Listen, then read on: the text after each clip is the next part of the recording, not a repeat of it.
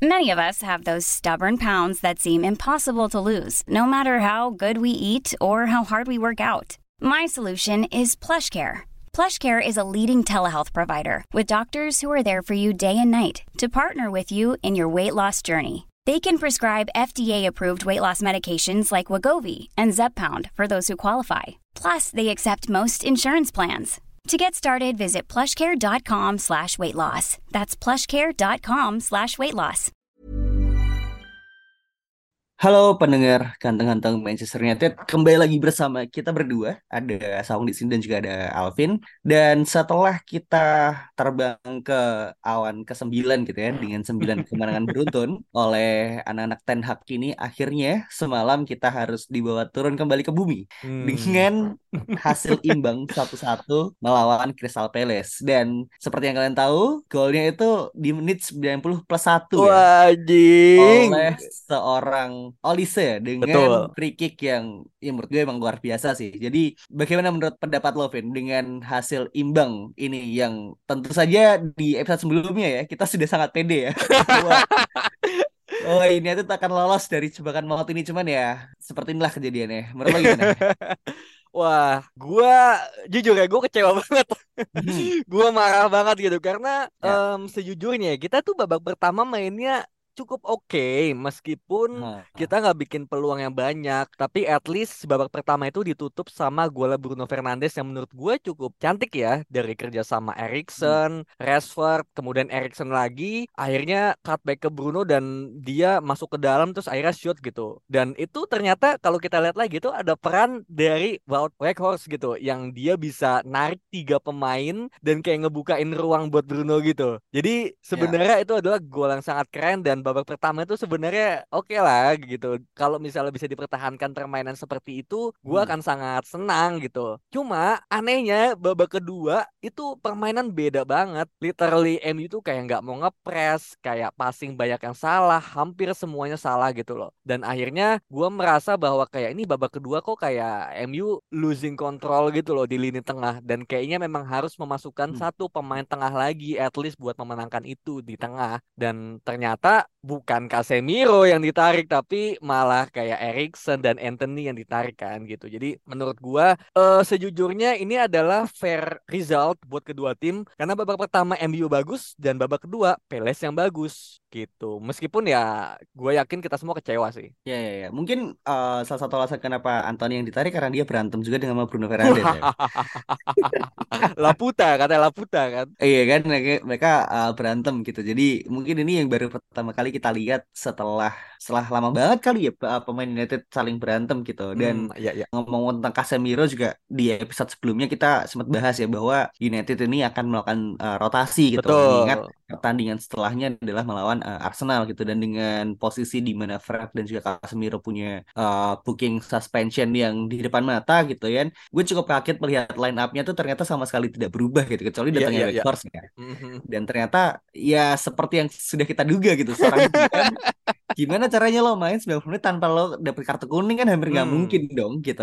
Dan apa ya Casemiro di menit 70 sekian dia dapat kartu kuning itu menurut gua adalah perasaan yang mungkin lebih lebih parah daripada hasilnya sendiri ngerti nggak? Hmm, iya iya. Karena imbang satu-satu melawan Crystal Palace dengan dengan tipe permainan yang tadi lo udah ngomongin gitu ya di babak pertama uh, dia bagus gitu, di babak kedua uh, apa Crystal Palace yang lebih bagus, it it is a fair result gitu. Cuman dengan kartu kuningnya Casemiro ini yang yang jadi bikin pertandingan ini tuh lebih lebih menyedihkan lah kata kata gua gitu. Dan Benar-benar ya dan kan? mm, dan ini apa namanya kayak sejujurnya gini ketika gue juga melihat line up dan ada Casemiro di sana gue satu sisi gue mengerti Ten Hag gitu yang mana kita Hmm. juga sering dengar bahwa Ten Hag tuh sering bilang kalau kita tuh bermainnya game to game satu per Hmm. satu kita nggak mau melihat pertandingan tuh terlalu jauh ke depan jadi mungkin Ten Hag ini melihat bahwa udahlah kita menangin Palace dulu kalau menang udah kita pikirin Arsenal berikutnya gitu. Jadi jangan mikir Arsenal dulu gitu.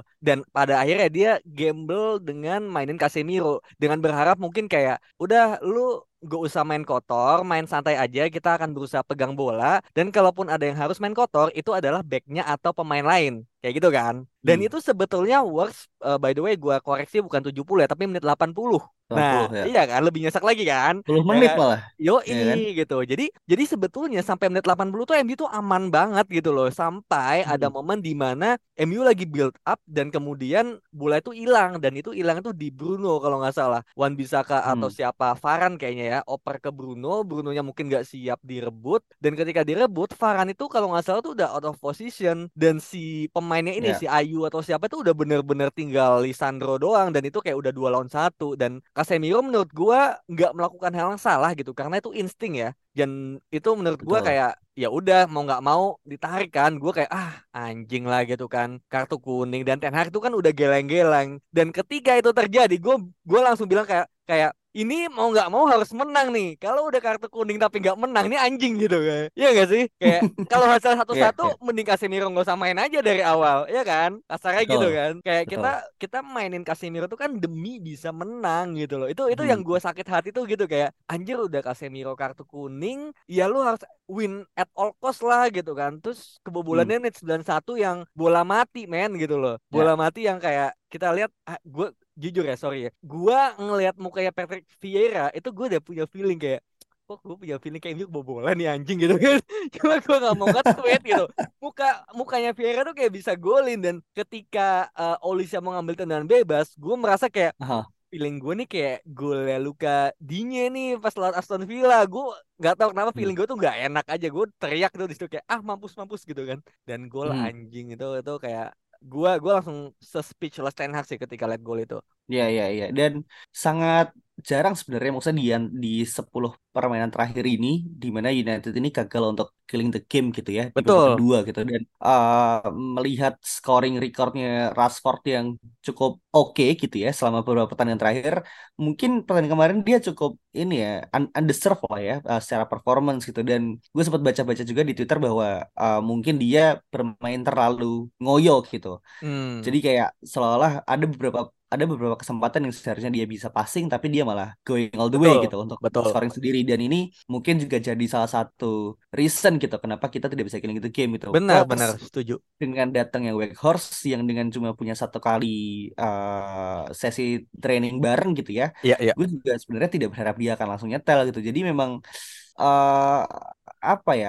Ad, ad, menurut gue sih justify kalau misalkan kita bisa mengkritik Ten Hag atas pertandingan kemarin gitu karena ya kembali lagi gitu walaupun Ten Hag bilang kita mainnya game to game gitu cuman kan dengan hasil-hasil seperti ini tuh yang yang justru bisa jadi memberatkan game berikutnya gitu sih Hmm, oke oke. Gitu. Oh, Iya, gua mungkin mungkin gua malu ini agak beda pandangan ya. Kalau lo mungkin Hmm. agak sedikit mengkritik Ten Hag atas eh, apa Ya. line up-nya. Kalau gua gua meskipun gue juga punya pandangan berbeda, tapi ketika Ten Hag udah membuat keputusan, somehow gua mengerti gitu dan Aha. babak pertama itu sebenarnya sangat menjustifikasi pilihan Ten Hag gitu loh. Cuma memang babak kedua menurut gue itu udah totally apa ya berubah banget Different yang ya Hmm. Different game yang nggak sesuai plannya Ten Hag gitu kan. Dia juga bilang Hmm. kalau kita tuh babak kedua kayak nggak mau ngepres, nggak mau killing the game.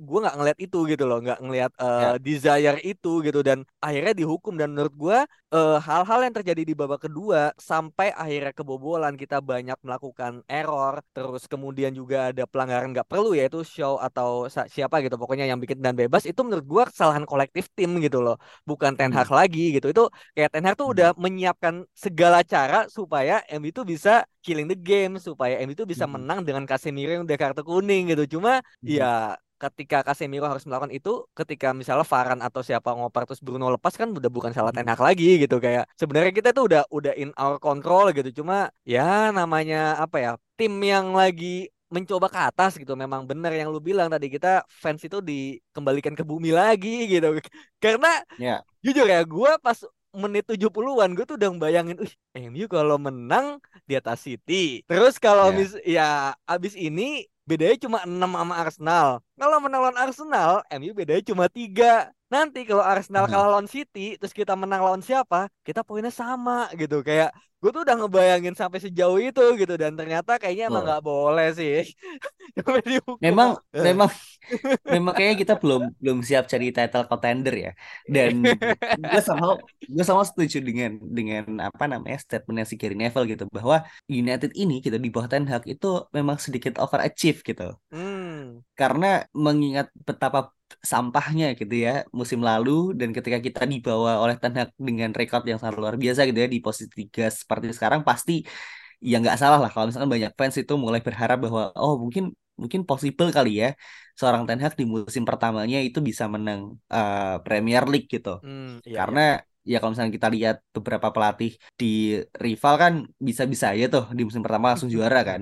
Macam eh, siapa namanya Antonio Conte gitu macam Jose Mourinho dan lain sebagainya gitu. Jadi ya apa ya mentality shift ini sih menurut gua sih hal yang bagus gitu. Di mana memang pertandingan kemarin sangat mengecewakan gitu ya cuman dari fans dan juga dari para pemain yang terlihat sangat upset gitu ya sangat sangat Hmm. bete dengan hasil kemarin sih menunjukkan bahwa memang udah ada udah ada perubahan dalam segi mental gitu dan bahwa progres yang kita lalui bersama Ten Hag ini emang udah udah sangat jauh udah sangat bagus gitu dibandingkan dengan musim yang sangat sampah itu di bawah Ralf Rangnick gitu sih Hmm, gua. iya betul betul betul. Gua gue setuju gitu. Kalau misalnya ngelihat yang kita kecil ya gitu kayak Hmm. sudut pandangnya kita perkecil ke pertandingan ini aja memang ya ini mengecewakan sekali gitu. Cuma kalau kita lihat in bigger picture bahwa ini adalah proses ya kan. Kayak kita Hmm. kemarin udah menang terus, kemudian sekarang seri dan kadang-kadang kita butuh seri atau kalah untuk benar-benar menyadarkan tim, pemain bahkan pelatih gitu bahwa kita tuh masih punya problem gitu loh. Kadang-kadang kan Hmm. menang itu malah membutakan kita dari masalah yang sebenarnya kan.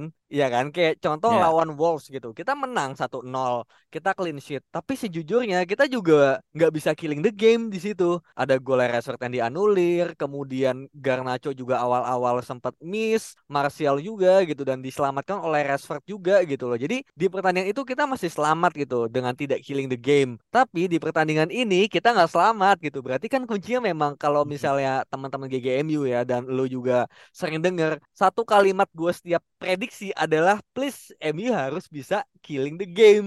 Karena Hmm. ketika MU main itu dominating the game tuh bisa gitu loh. Cuma untuk bisa kill literally kill itu jarang banget gitu. Dan itu kan masalah kita Hmm. gitu sekarang. Bukan Betul. lagi dominating tapi killing the game. Dan menurut lo mungkin Wout Weghorst nih itu gimana permainannya di debutnya dia? Wout Weghorst seperti yang lo bilang eh, untuk gol pertamanya Bruno Fernandes itu dia sangat influential gitu ya dengan seorang striker yang tingginya kayak begitu di apa opposition box pasti udah udah pasti akan bikin defender sangat bingung gitu dan dengan kemampuan dia yang terutama apa ya dia bisa membuka ruang dia bisa kasih eh, link up play yang cukup oke Keren kan link up-nya kan kayak dia keren terima keren bola terus kasih oper langsung one touch ya gitu ke ya Rashford itu kan. Iya iya. Betul betul dan dengan apa yang dilakukan sih sebenarnya menurut gue sih sebenarnya udah udah maksimal gitu kan. Cuma Cuman pelan aja dia tuh.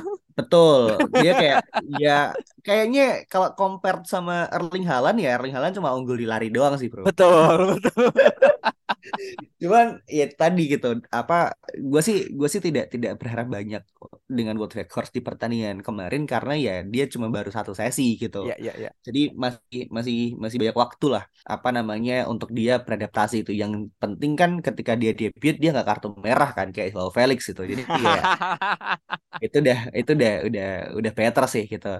Dan mungkin terakhir gitu ya eh, apa namanya untuk episode ini adalah gue mau mau, mau mengutip eh, beberapa poinnya Erik Ten Hag gitu yang bilang bahwa United ini seharusnya itu bisa menghindari situasi di mana kita tuh tidak bergantung pada wasit Hmm. dengan bermain dengan lebih baik di babak kedua dan me- apa ya mengejar uh, gol kedua gitu ya itu Hmm. seperti yang lo bilang kita harus killing the game gitu dan ini menunjukkan bahwa Ten Hag ini memang dia tuh udah tahu sebenarnya mau mau ngapain gitu kan Vin Iya iya iya. cuman memang dengan SDM yang dia punya ya ini hasil yang maksimal yang dia bisa berikan gitu dan harusnya sih ini bisa menjadi apa ya semacam refleksi lah bahwa memang kita tuh kalau misalnya juara itu itu luar biasa banget sih cuman kembali lagi kita tuh sekarang pada saat ini tuh posisinya adalah untuk mengamankan top 4 gitu dan Betul, dengan dikembalikan ya targetnya ya. Iya, dan dengan dengan komposisi pemain yang kita punya gitu, dan dengan kita menjadi satu-satunya tim yang masih bisa kompet di empat kompetisi, menurut gua sih ini udah udah udah baik banget sih. Betul betul betul. Terakhir mungkin eh McTominay itu penalti apa nggak buat lo? Jelas penalti lah. Iya bener anjing kan jelas kayak. Iya. Iya kan? Jelas kayak penalti gimana ceritanya bisa nggak penalti itu clear banget. McTominay geser bolanya kemudian kakinya dijegal ya. kan? Ini emang tumbal dari betul. gol Man City kemarin kayaknya kita. Emang emang tukar guling kan kayak ya Tapi gue sih untung terakhir untung ya ada Wan Bisaka juga gitu kan di menit 94 dia bisa tackle yang sangat ngeri gitu ya. Sangat luar biasa untuk untuk clear chance-nya apa Wilfried Zaha menurut gue tuh dia game changing banget sih. Iya benar iya iya penyelamat sih menurut gue dan lah. Zaha juga bilang kan ini pas gue Hmm. nengok ke belakang wah itu ternyata si Aaron gitu kan dia langsung panik kan Hmm. di situ jadi dia udah tahu Iya benar sebetulnya benar benar. Oke lah em, paling itu aja yang bisa kita ah, bahas gitu ya di pertandingan Palace kemarin dengan pertandingan yang datang tiba-tiba di antara Man City dan Arsenal. Ya ini udah menjadi hasil yang menurut gua mengecewakan tentu cuman bukan berarti kita tidak bisa punch back gitu ya di lawan Arsenal dan hopefully di seminggu terakhir ini ya United mempersiapkan lawan Arsenal semoga Casemiro bisa memberikan semua ilmunya kepada McTominay di dalam beberapa hari terakhir ini sehingga kita bisa survive lah ya dan mempertahankan asa untuk untuk menjaga kans di uh, top 4. Oke, thank you semuanya. We'll see you next episode. Bye bye. Planning for your next trip? Elevate your travel style with Quince. Quince has all the jet setting essentials you'll want for your next getaway, like European linen, premium luggage options, buttery soft Italian leather bags, and so much more. And is all priced at 50 to 80% less than similar brands. Plus, Quince only works with factories that use safe and ethical manufacturing practices. Pack your bags with high-quality essentials you'll be wearing for vacations to come with Quince. Go to quince.com slash pack for free shipping and 365-day returns.